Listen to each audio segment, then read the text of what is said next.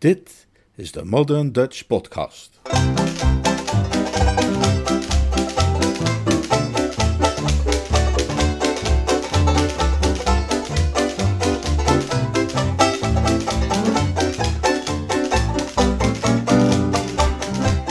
Jeeves en de Liefde.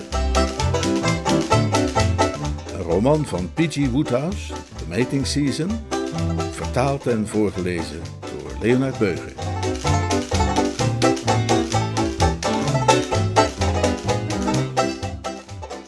Hoofdstuk 4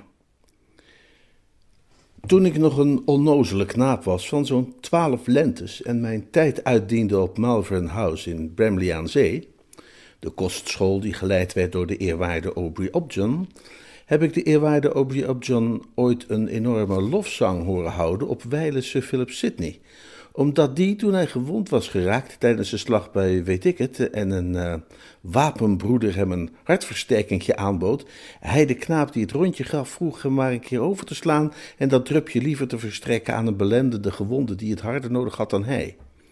Die geest van zelfopoffering, zei de eerwaarde Aubrey, is wat ik zo graag in jullie zou willen zien, jongens. En daarbij denk ik speciaal aan jou, Woester. En hoe vaak heb ik jullie al niet gezegd om niet zo onnozel naar me te zitten gapen? Doe die mond dicht. Kom op, jongen, ga rechtop zitten. Als de eerwaarde thans tot ons kleine gezelschap had behoord, had hij zijn wens in vervulling kunnen zien gaan. Mijn eerste aandrang was om toe te snellen, dat glas van het dienblad te graaien en de inhoud in één teug achterover te slaan, want als ik ooit een hartversterker nodig had gehad, dan was het wel nu. Maar ik weerhield mijzelf. Zelfs op dit gruwzame ogenblik was ik in staat mezelf duidelijk te maken dat Cat Smith hem harder nodig had dan ik. Ik deed een stap achteruit, rillend en wel, en liet het reddende mengsel aan hem over. Hij dronk het in één teug uit. Er voer een schok alsof hij door de bliksem werd getroffen, zoals altijd het eerste effect is dat die opkikkertjes van Jeeves teweeg brengen en zei: Ha! Hij zag er dadelijk een stuk beter uit. Ik veegde met een koortsige hand langs mijn voorhoofd. Jeeves? Nee. Zal ik jou eens wat vertellen? Doet u dat? Nee. Kusje Vink Nottel zit in de bak. Werkelijk? Nee. Ik veegde opnieuw met een koortsige hand langs mijn voorhoofd, terwijl mijn bloeddruk nog verscheidene streepjes opliep. Ik had natuurlijk sinds lang moeten beseffen dat geen enkel bericht, hoezeer ook van voorpagina gehalte, ooit Jeeves met de ogen zou doen rollen of op en neer doen springen. Maar toch liet dat werkelijk meneer gedoe van hem nooit na het woesterse zenuwstelsel verder aan te tasten. Houd toch eens op met dat werkelijk meneer. Ik herhaal, vanmorgen om 5.00 uur liep Augustus Vinknottel door de fontein op Trafalgar Square te waden en werd hij gearresteerd door de politie. En op dit moment zit hij voor 14 dagen in de bak, terwijl hij vanavond wordt verwacht op Deverell Hall. Catsmeet, die zijn ogen had gesloten, deed zijn ogenblik open. Zal ik jullie eens wat zeggen? zei hij. Dat gaat niet lukken. Hij sloot opnieuw zijn ogen en ik haalde voor de derde keer een hand langs mijn voorhoofd. Snap je in wat voor gruwelijke situatie wij ons bevinden, Jeeves? Wat gaat Miss Bassett hiervan zeggen? Hoe zal zij reageren als ze de feiten verneemt? Straks slaat ze het ochtendblad open en leest de naam van haar geliefde in koeienletters bij de politieberichten. Nee, dat gelukkig niet, zei Catsmeet, want Gussie gaf op het juiste moment blijk van een onverwachte intelligentie en heeft zijn naam opgegeven als Alfred Duff Cooper. Oké, maar wat gaat er gebeuren als hij niet blijkt te komen opdagen op de hol? Ja, dat, dat blijft een probleem, zei Catsmeet en viel acuut in een verfrissende slaap. Ik kan je wel vertellen wat Miss Bassett zal gaan zeggen. Zij zal zeggen: Jeeves? Nee, je let toch wel op? Niet weet het kwalijk, meneer. Mijn aandacht werd getrokken door de hond. Zoals u zult opmerken, meneer, heeft hij het kussen van de sofa al half verslonden. We hebben het nu even niet over die hond. Het lijkt mij desondanks verstandig het dier voorlopig even naar de keuken te brengen, meneer, zei hij met respectvolle volharding. Jeeves heeft alles altijd graag tot in de puntjes in orde. Ik kom terug zodra het dier veilig is ingesloten. Hij trok zich terug in gezelschap van de hond en de spreker richtte zijn blik nu op Corky. Die had zich enige tijd in de periferie opgehouden met de houding van iemand die niet helemaal kan volgen waar het over gaat. Maar Bertie, zei ze. Waarom al die opwinding? Ik snap dat die Mr. Finknottel zich de nodige zorgen zal maken, maar waarom zit jij daar zo weer in? Ik was blij dat Jeeves zich een ogenblik uit het overleg had teruggetrokken, want ik had mij in zijn aanwezigheid uiteraard niet vrij kunnen uiten met betrekking tot Madeline Bassett. Natuurlijk weet hij precies hoe de hazen lopen wat La Bassett betreft, maar wij brengen dat vanzelfsprekend niet ter sprake.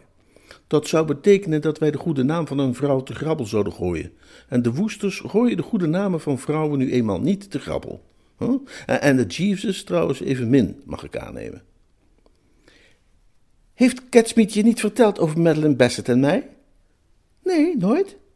Goed, dan zal ik je vertellen waarom ik daar zo over in zit, zei ik, en deed dat vervolgens.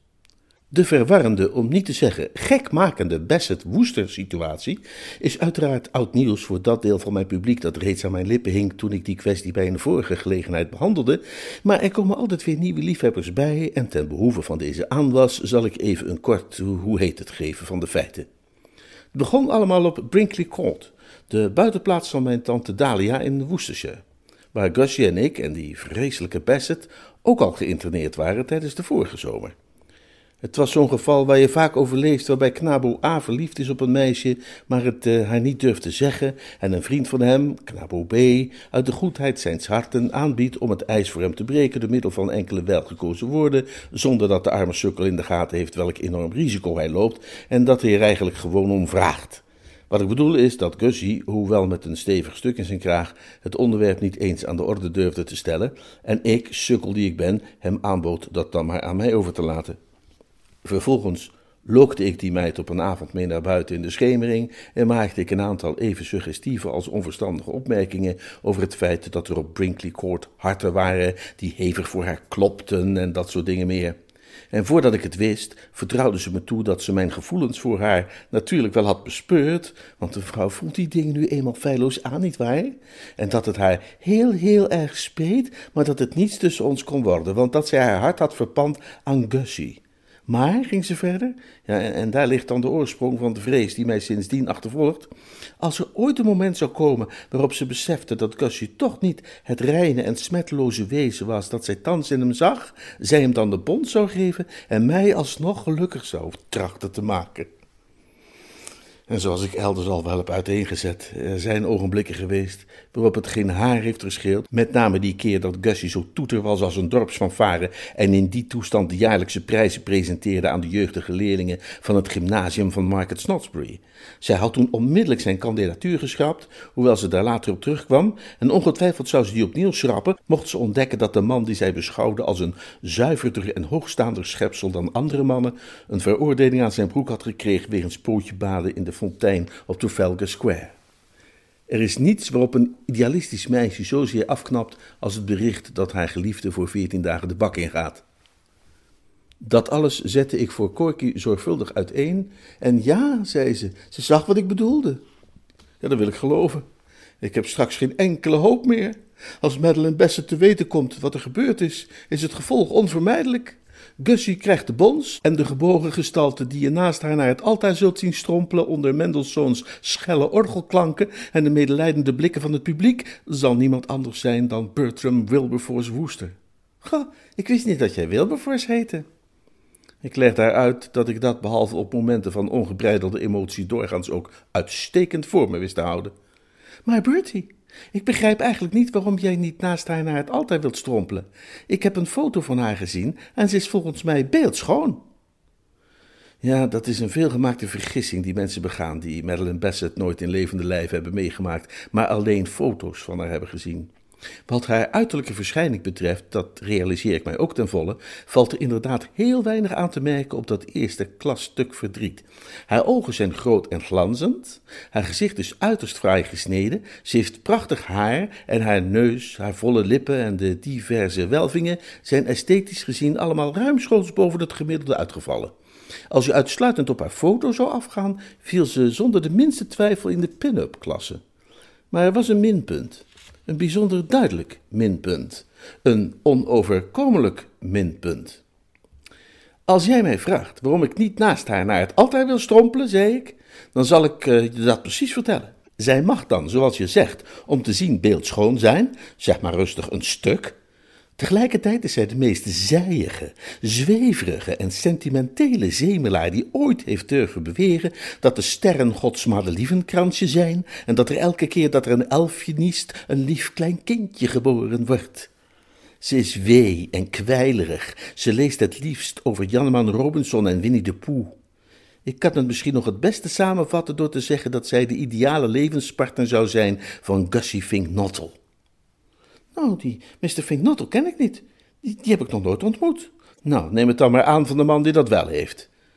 Ze bleef staan peinzen. Het was duidelijk dat ze de ernst van de situatie inzag. En jij denkt dus dat je de klos bent als zij dit ontdekt? Gegarandeerd, daar is geen twijfel aan. Dan zal ik er absoluut voor moeten opdraaien. Als een meisje denkt dat je van haar houdt en ze komt je vertellen dat ze haar verloofde aan de kant heeft gezet en dat de keus nu op jou is gevallen, wat kun je dan anders doen dan met haar trouwen? Een mens moet beleefd blijven. Ja, ja, ik snap het, ja, is lastig. Maar hoe, hoe ga jij voorkomen dat zij erachter komt? Als ze het horen krijgt dat Mr. Finknottel niet op Deverell Hall is gearriveerd, gaat ze natuurlijk meteen navraag doen. Ja, ja, en dan ontdekt ze de afschuwelijke waarheid, dat kan niet missen. Maar gelukkig hebben we Jeeves nog. En jij denkt dat Jeeves het in orde kan brengen? Hij weet altijd alles in orde te brengen. Hij heeft maat 80 van hoed, hij eet tonnen vis en hij schrijdt wonderdadig over de aard. Kijk, daar is hij juist. En hij ziet er weer even intelligent uit als altijd. En Jeeves, heb je een oplossing weten op te delven? Ja, meneer, maar uh, heb ik het je niet gezegd? zei ik tegen Corky. Maar Jeeves, ging ik verder, terwijl ik de wenkbrauwen fronste, hoor ik jou daar nu het woordje maar gebruiken? Hoezo maar? Het is alleen dat ik er niet geheel zeker van ben, meneer, of de oplossing die ik aan te bieden heb ook door u zal kunnen worden gewaardeerd. Oh, als het werkelijk een oplossing is, dan ben ik er tevreden mee. Tja, meneer. Maar om de naspeuringen te voorkomen die ongetwijfeld verricht zouden worden, mocht Mr. Finknottel hedenavond niet op Deverell Hall verschijnen, lijkt het noodzakelijk te zijn dat een vervanger die zich voordoet als Mr. Finknottel diens plaats inneemt. Er liep mij een koude rilling langs de rug. Je, je wilt toch zeker niet suggereren dat ik mij vanavond in die Melaatse kolonie moet gaan melden als Gussie F.N.? Tenzij een van uw vrienden zou kunnen worden overgehaald dat te doen. Ik lachte. Het was zo'n schrille, vreugdeloze lach. Een mens kan toch niet in Londen gaan rondlopen en mensen gaan vragen te doen alsof ze Gussie Finknottel zijn? Nee, dat, dat, dat, dat kun je natuurlijk wel doen, maar wat een afgrijselijk bestaan zou dat zijn. Bovendien is er geen tijd meer om... Ik onderbrak mezelf. Maar Catsmeet, riep ik uit. Catsmeet opende zijn ogen. Oh, hallo daar, zei hij kennelijk enigszins opgefrist. Hoe ver staan we? Jeeves heeft een oplossing gevonden. Dat dacht ik al. Wat stelt hij voor? Hij zei. Uh, wat zei ook weer precies, Jeeves?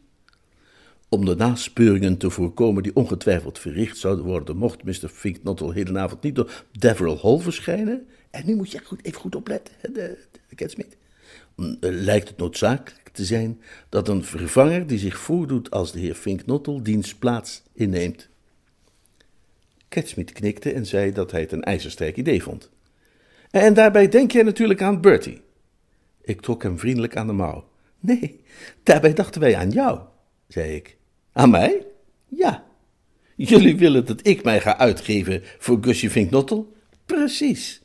Nee, zei Catsmeet, daar komt absoluut niets van in. Wat een walgelijk idee. De huiverende afschuw waarmee hij sprak, deed mij beseffen hoe sterk zijn ervaringen van de vorige avond hem moesten hebben aangegrepen. En begrijp me goed, daar kon ik helemaal inkomen. Gussie is een jongen met een speciale gebruiksaanwijzing en iemand die van acht uur s'avonds tot vijf uur s morgens met hem opgeschreven heeft gezeten, kan wellicht een allergie tegen hem hebben ontwikkeld. Ik begon in te zien dat er een bijzondere welbespraaktheid vereist zou zijn om de bereidheid en medewerking van C.C. Purbright te verkrijgen. Maar het, het, zou je de kans geven om de één dak te vertoeven met Gertrude Winkworth, drong ik aan. Ja, zei Corky, dan kun je bij Gertrude zijn.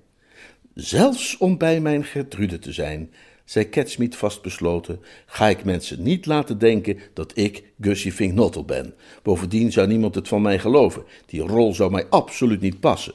Ik ben immers overduidelijk een man met hersens intelligent en getalenteerd en dat soort dingen, terwijl Gussie toch direct herkend wordt als oliedom en een druiloor. Die dames hoeven maar vijf minuten met mij te praten om zulk bedrog haarscherp door te hebben. Nee, als je iemand zoekt om voor Gussie Vinknottel te spelen, dan moet je iemand nemen van hetzelfde type als Gussie Vinknottel, zodat het niet opvalt. Het is helemaal een rol voor jou, Bertie. Er ontsnapte mij een kreet. Maar ik, ik ben toch helemaal niet van hetzelfde type als Gussie? Jullie zouden tweelingen kunnen zijn. Toch blijf ik het gewoon stom van je vinden, Catsmeet, zei Corky. Als jij op Deverell Hall was, dan kon je Gertrude beschermen tegen de avances van Esmond Haddock. Ja, maar daar zorgt Bertie al voor. Ik geef toe dat ik heel graag een bezoekje zou brengen aan Deverell Hall als er een andere manier was om het ook werkelijk te doen, maar ik weiger om te zeggen dat ik Gussie Vinknottel ben. Ik kon niet anders dan mij schikken in het onvermijdelijke. Goed dan, zei ik met een bijpassende zucht. Er moet nu eenmaal altijd iemand het bokje zijn, dan wel de klos. En ik begrijp dat ik dat weer eens ben. Dat is trouwens wel opvallend vaak het geval, moet ik zeggen. Telkens als er een klusje moet worden opgeknapt, begint iedereen meteen te roepen: Dat is iets voor Woester! Klaag niet hoor, ik noem het alleen maar even. Maar goed, we maken er verder geen woorden aan vuil. Ik, speel wel voor Gussie. En met een glimlach stortte hij zich in zijn zwaard. Zo mag ik het horen, zei Catsmeet. Op weg daarheen kun je dan mooi bedenken hoe je je rol precies gaat invullen. Invullen? Hoe bedoel je? Nou ja, bijvoorbeeld, uh, is het wel of niet een goed idee om Gussie's petermoei een kus te geven als je daar aankomt? Uh, dat soort kleine dingen moet je voor jezelf duidelijk hebben van tevoren. Hè? Maar goed, Bertie, als je het niet erg vindt, dan ga ik nu even naar jouw slaapkamer om een dutje te doen, want het is hier veel te druk. En ik moet echt even slapen, voor als ik straks er weer tegenaan moet. Hoe hoorde ik jou de slaap pas geleden ook weer noemen, Jeeves? Het uh, zoet medicijn onze vermoeienis, meneer. Precies. Jij weet het ook altijd vrij te zeggen. Hij trok zich terug en Corky zei dat ze er ook vandoor ging. Ze had nog honderden dingen te doen. Mooi, Jeeves, zei ze. Het ziet er dankzij jouw snelle denkwerk nu weer hoopvol uit. Enige vervelende is dat ze in het dorp behoorlijk teleurgesteld zullen zijn als ze te horen krijgen dat ze het met de tweederangs invaller Fink Nottel zullen moeten doen in de rol van Pet, in plaats van de gevierde acteur Bertram Woester. Ik heb namelijk flink over je opgeschept, Bertie, op de flyers en in het programmaboekje. Maar helaas, daar is niets aan te doen. Tot ziens, gij zult mij zien te Philippi, Jeeves. Tot ziens, miss. Hola, wacht even, zei ik, je vergeet je hond. Ze draaide zich op de drempel om. Oh ja, dat had ik je nog willen zeggen, Bertie. Ik wil graag dat jij Sam Galton een paar dagen bij je houdt op Deverell Hall, zodat ik intussen oom Sidney een beetje op hem kan voorbereiden. Oom Sidney houdt niet zo erg van honden en ik wil hem er niet mee overvallen. Ik sprak onmiddellijk een nolle prosequi uit. Ik weiger op de hal te verschijnen in gezelschap van een dergelijk mormel. Het zou mijn reputatie volkomen bederven. Mr. Finknottels reputatie zul je bedoelen. En die is volgens mij nu al zo beroerd als het maar kan. Zoals Catsmeet zei, hebben die tantes al alles over hem te horen gekregen en zijn ze waarschijnlijk dolblij dat je niet komt opdraven met een half dozijn vissenkommen vol watersalamanders. Maar goed, tot ziens dus. Hé, hey, krijste ik nog, maar ze was al weg. Ik wendde mij tot Jeeves. Mooi is dat, Jeeves? Ja, meneer. Wat bedoel jij, ja, meneer? Ik trachtte mijn bevestiging tot uitdrukking te brengen van het feit dat uw situatie in verschillende opzichten inderdaad vrij lastig is, meneer. Wellicht mag ik echter zo vrij zijn u te wijzen op een uitspraak van keizer Marcus Aurelius, die zei: Is u iets overkomen, dat is goed. Al wat u overkomt is voor u weggelegd vanaf het oerbegin en ingesponnen in het wereldwijde web. Ik ademde enigszins snuivend. Hm, zo, zo, zei hij dat? Ja, meneer. Nou, zeg hem dan maar namens mij dat hij niet goed snek is. Heb je mijn spullen gepakt? Ja, meneer. En staat de wagen voor de deur? Ja, meneer. Leid mij dan derwaarts, Jeeves. Als ik nog voor middernacht in die leproze kolonie wil aankomen, kan ik maar beter nu vertrekken.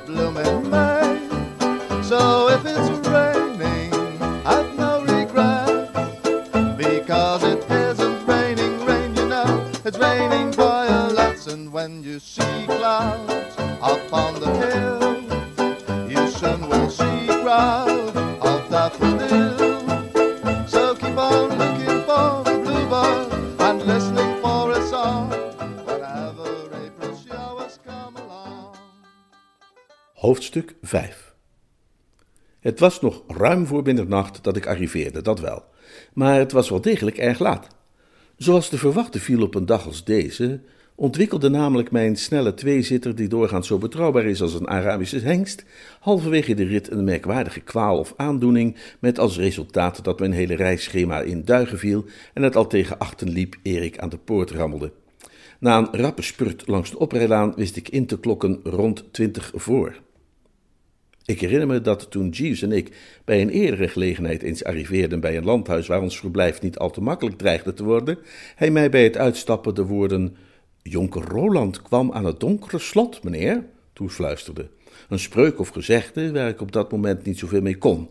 Bij latere navraag bleek dat die Roland zo'n rondzwervende ridder was uit de middeleeuwen, die ook op een avond bij een onduidelijk kasteel was aangekomen dat het Donkere Slot heette, waarbij hij zich eens flink achter de oren had gekrapt, omdat hij het er nogal duister uit vond zien.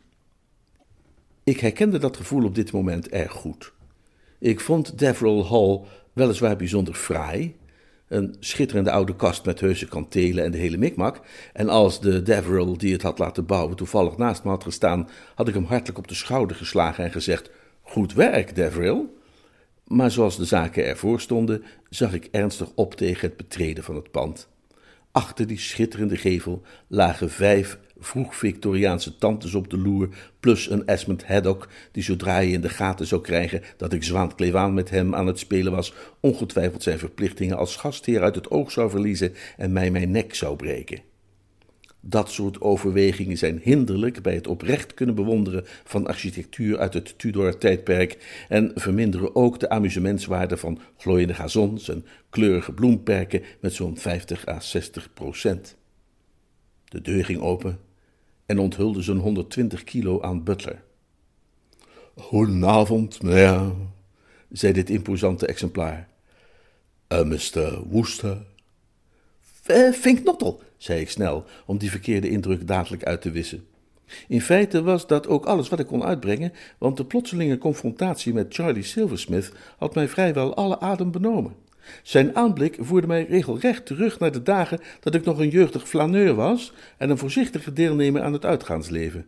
De dagen dat ik de blik van butlers nog rillend onderging en me ook in het algemeen veel te jong en puisterig voelde. Nu ik ouder en geharder ben, kan ik het meeste van dat gedierte wel aan. Als zij voordeuren open doen, trek ik nonchalant mijn manchetten recht en zeg: Aha, Butler, goedendag, hoe staan de zaken? Maar Jeeves' oom Charlie was een speciaal geval.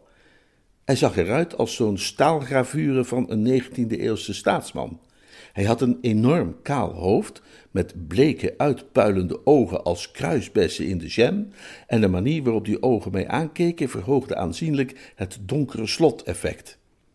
De gedachte trof mij dat wanneer zoiets als dit jonker Roland was tegemoet getreden, hij waarschijnlijk zijn ros de sporen zou hebben gegeven en er als een haas vandoor was gegaan. Sam Goldwyn, die met een stevige riem aan het nikkelen frame van de vooruit vastzat, dacht er kennelijk net zo over, want na één geschrokken blik op oom Charlie had hij zijn kop achterover geworpen en een angstig gejank ingezet. Ik kon sterk met hem meevoelen. Een Zuid-Londense hond uit de lagere middenstand, ja, feitelijk uit de heffen des volks afkomstig als hij, had waarschijnlijk nog nooit een butler gezien. En het was bijzonder treurig dat hij bij zijn eerste kennismaking met het fenomeen dan meteen zoiets had moeten treffen als oom Charlie. Met een verontschuldigende duimbeweging wees ik de laatstgenoemde op Sam's aanwezigheid. Een uh, hond, zei ik wat mij een keurige manier leek om het beest te introduceren, en oom Charlie wierp hem een strenge blik toe, alsof hij hem betrapt had op het gebruiken van een visvorkje bij de Horst d'Oeuvre. Voor het dier laten onderbrengen de stallen, weer, zei hij koel. En ik zei, oh, dankjewel, en dat het me een prima idee leek. En, en dan kan ik, zei ik, me nu maar beter meteen gaan verkleden, hè? want ik zou niet te laat willen komen voor het diner. Is reeds aangevangen weer. Wij om half acht stipt. Als je misschien uw handen wilt wassen, ja, zei hij en wees mij een deur naar links. In de kringen waarin ik verkeer sta ik algemeen bekend als nogal een taai en veerkrachtig type, en onder omstandigheden die anderen zouden doen bezwijken onder de spanning, ben ik toch altijd nog geneigd om langs de treden van een grauw verleden op te reizen tot een stralend heden Ga maar eens langs bij de drones en vraag de eerste de beste daar of hij denkt dat de moed en het doorzettingsvermogen van de woesters enige beperking kennen. Hij zal ongetwijfeld durven wedden op de volstrekte onwaarschijnlijkheid daarvan en daarbij een interessant bedrag willen inzetten. Hoe zwaar ook de omstandigheden, zal hij zeggen, en hoe talrijk ook de kogels en pijlen van het gramstorig lot, Bertram zal er zich niet door uit het veld laten knikkeren.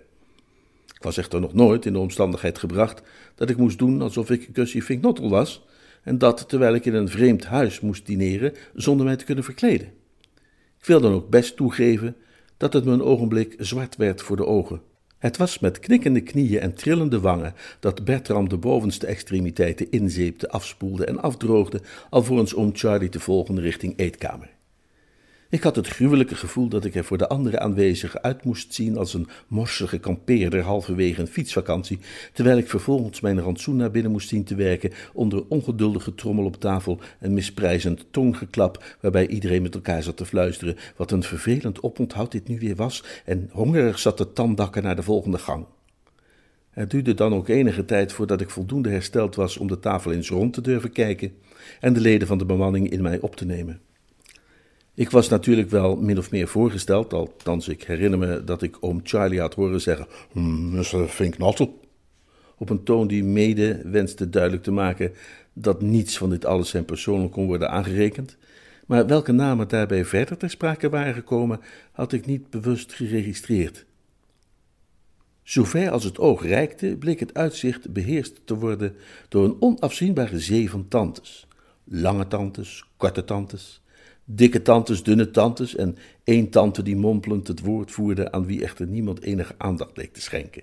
Ik heb later begrepen dat dit volkomen gebruikelijk was en dat het hier ging om Miss Emmeline Deverill, de tante waarvan Corky me had gezegd dat ze niet goed snik was.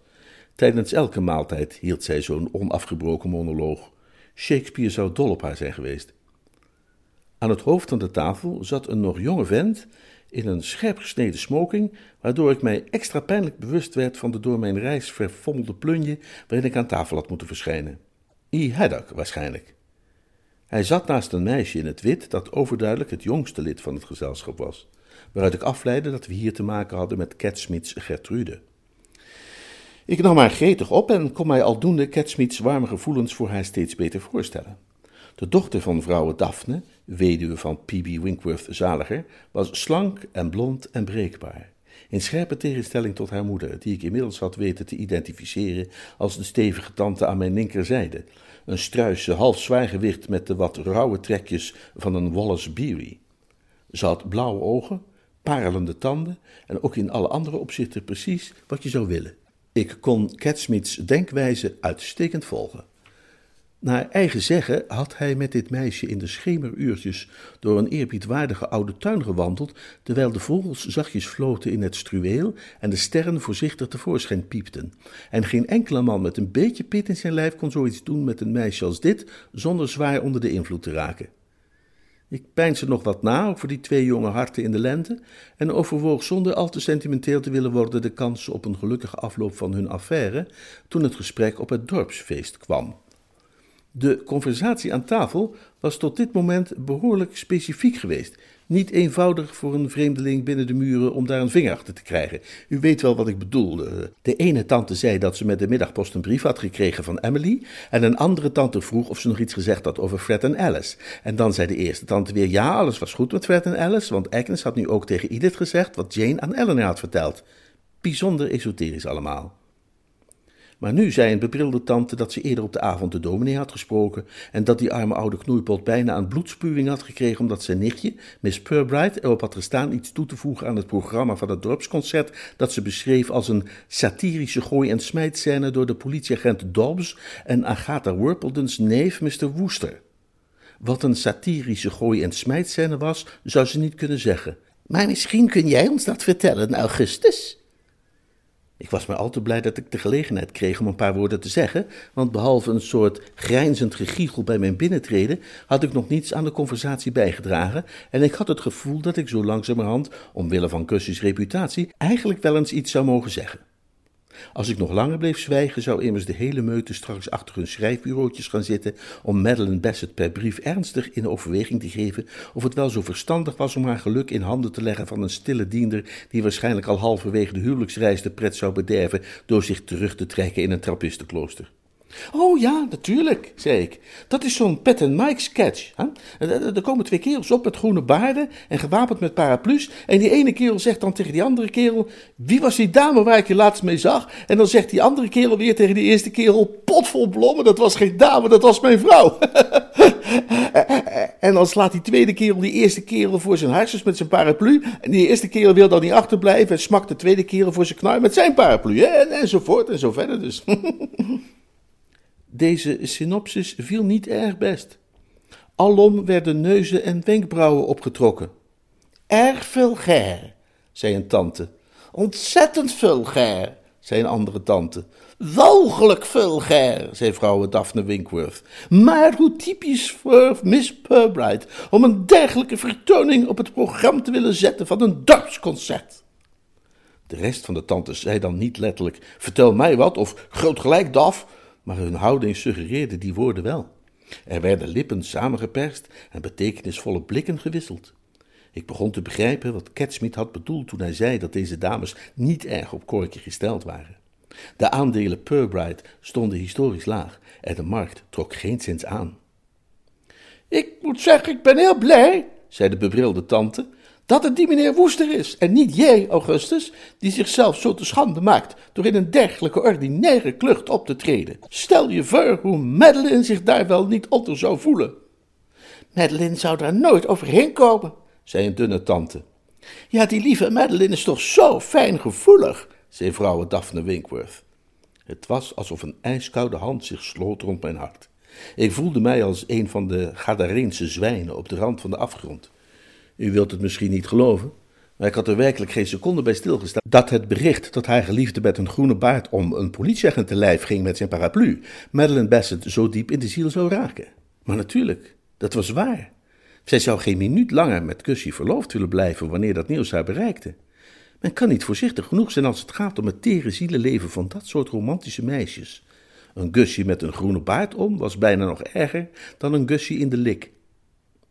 Het zou me hartzeer kosten mijn rol terug te geven, want ik had me verheugd op een gegarandeerd succes, maar ik weet wanneer ik de dingen moet loslaten. Morgen in alle vroegte zou ik Corky de droeve maar onvermijdelijke mededeling doen dat Bertram van het affiche moest worden geschrapt en dat een andere artiest diende te worden geëngageerd voor de rol van Pat. Nou, wat ik heb gehoord over die Mr. Woester, zei een tante met een venijnige steekneus die het onderwerp nog wat wilde uitmelken is dit soort vulgaire zattigheid echt iets voor hem. En tussen haakjes, waar blijft die Mr. Woester? Ja, jammerde de tante met de bril. Hij had hier vanmiddag aan moeten komen en hij heeft ons niet eens een telegram gestuurd.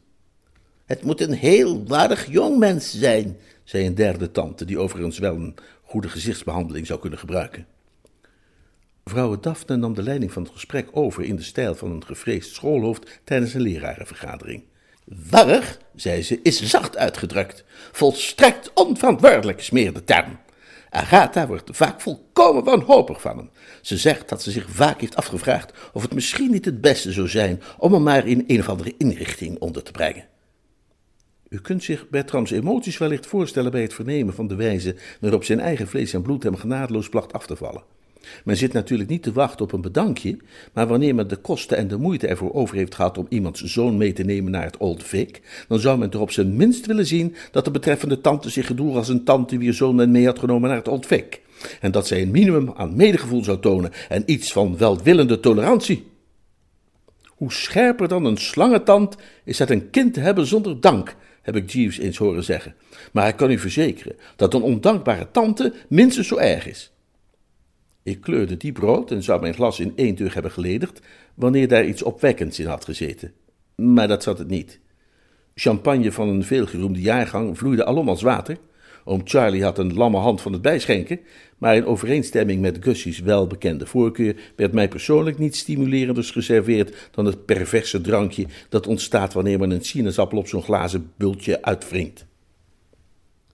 Het schijnt ging vrouw Daphne verder op de koele en afkeurende toon die ze in het verleden gewoon was te gebruiken voor het berispen van Maud of Beatrice wegens het stiekem roken achter de struiken. Het schijnt dat hij de vreselijkste streken uithaalt. Onlangs nog is hij gearresteerd en beboet voor het stelen van een helm van een politieagent op Piccadilly. Op dit punt kon ik haar corrigeren en dat deed ik dan ook. Ja, maar, legde ik uit, dat was te wijten aan een ongelukkig misverstand. Als je een politiehelm wilt stelen, maar dat hoef ik u natuurlijk niet te vertellen, dan is het van essentieel belang dat je hem eerst een zetje naar voren geeft, alvorens hem op te tillen, zodat het riempje loskomt van onder de kin van de politieagent. En dat was woest te vergeten, hè? met het desastreuze resultaat dat u noemde.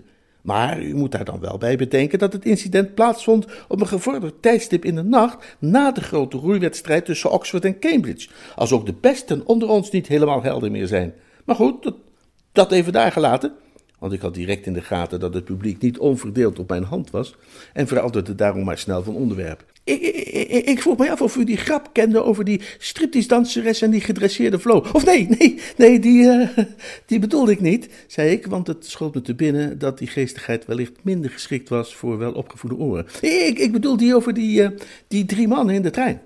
Het is, dat is wel een oude natuurlijk, dus u moet het even zeggen als u meer gehoord hebt. Ga je gang, Augustus. Nou, er zaten dus eens drie dove kerels in dezelfde coupé. Mijn zuster Charlotte heeft het ongeluk door doofheid te zijn getroffen. Dat is een zeer onplezierige aandoening. De dunne tante boog zich voorover. Wat zegt hij? Augustus vertelt ons een anekdote, Charlotte. Vertel verder, alsjeblieft, Augustus. Tja, dat, uh, dat haalde de lol er natuurlijk wel een beetje vanaf. Want het laatste wat een mens wil doen is natuurlijk een arm oud besje gaan zitten uitlachen vanwege haar fysieke ongemakken. Maar het was nu te laat om er nog erg veel aan te doen. En ik moest er dus maar zo goed mogelijk een punt aan zien te draaien. Nou, uh, er zaten dus drie dove kerels in de trein, weet u wel. En, en dan zegt die ene dove man opeens: hey, is dat een donderslag? en, en dan zegt die tweede: Nee, het is vrijdagmorgen. nou, zegt die derde, dat klopt dan toch? Ik had er al niet zulke beste verwachtingen van. Van het begin af aan leek me iets in te fluisteren dat hij niet goed ging vallen. Ik lachte er natuurlijk zelf hartelijk om, maar ik was de enige. Op het moment dat die tantes geacht werden van hun stoel te rollen van de pret, viel er alleen maar een akelige stilte als tussen de treurende familieleden aan een sterfbed, die tenslotte verbroken werd door tante Charlotte, die vroeg wat ik had gezegd. Ik had het er maar het liefst gewoon bij laten zitten, maar de dikke tante begon een samenvatting te geven, waarbij ze luid en duidelijk in het oor van de slechthorende sprak. Augustus vertelde ons een anekdote over drie mannen in een trein. Eén vroeg is het vandaag donderdag? En de andere zei: Nee, het is vrijdag. En toen zei de derde: Ja, dat klopt. Oh, zei tante Charlotte. En meer kon er maar beter ook niet over gezegd worden, vond ik. Kort daarna was het gedaan met het schransen en smullen en trok de hele rij van dames zich terug in de salon. Alvorens over de drempel te stappen, waarschuwde vrouw Daphne vriend Esmond dat hij niet te lang bij de port moest blijven zitten en sloot de deur. Oom Charlie bracht het blad met de flessen en glazen en trok zich al even zeer terug. Esmond Haddock en ik bleven alleen achter en ik begon mij af te vragen hoe ik het aan moest leggen om toch ook wat van die port binnen te krijgen. Ik likte mijn lippen en schoof naar zijn kant van de tafel.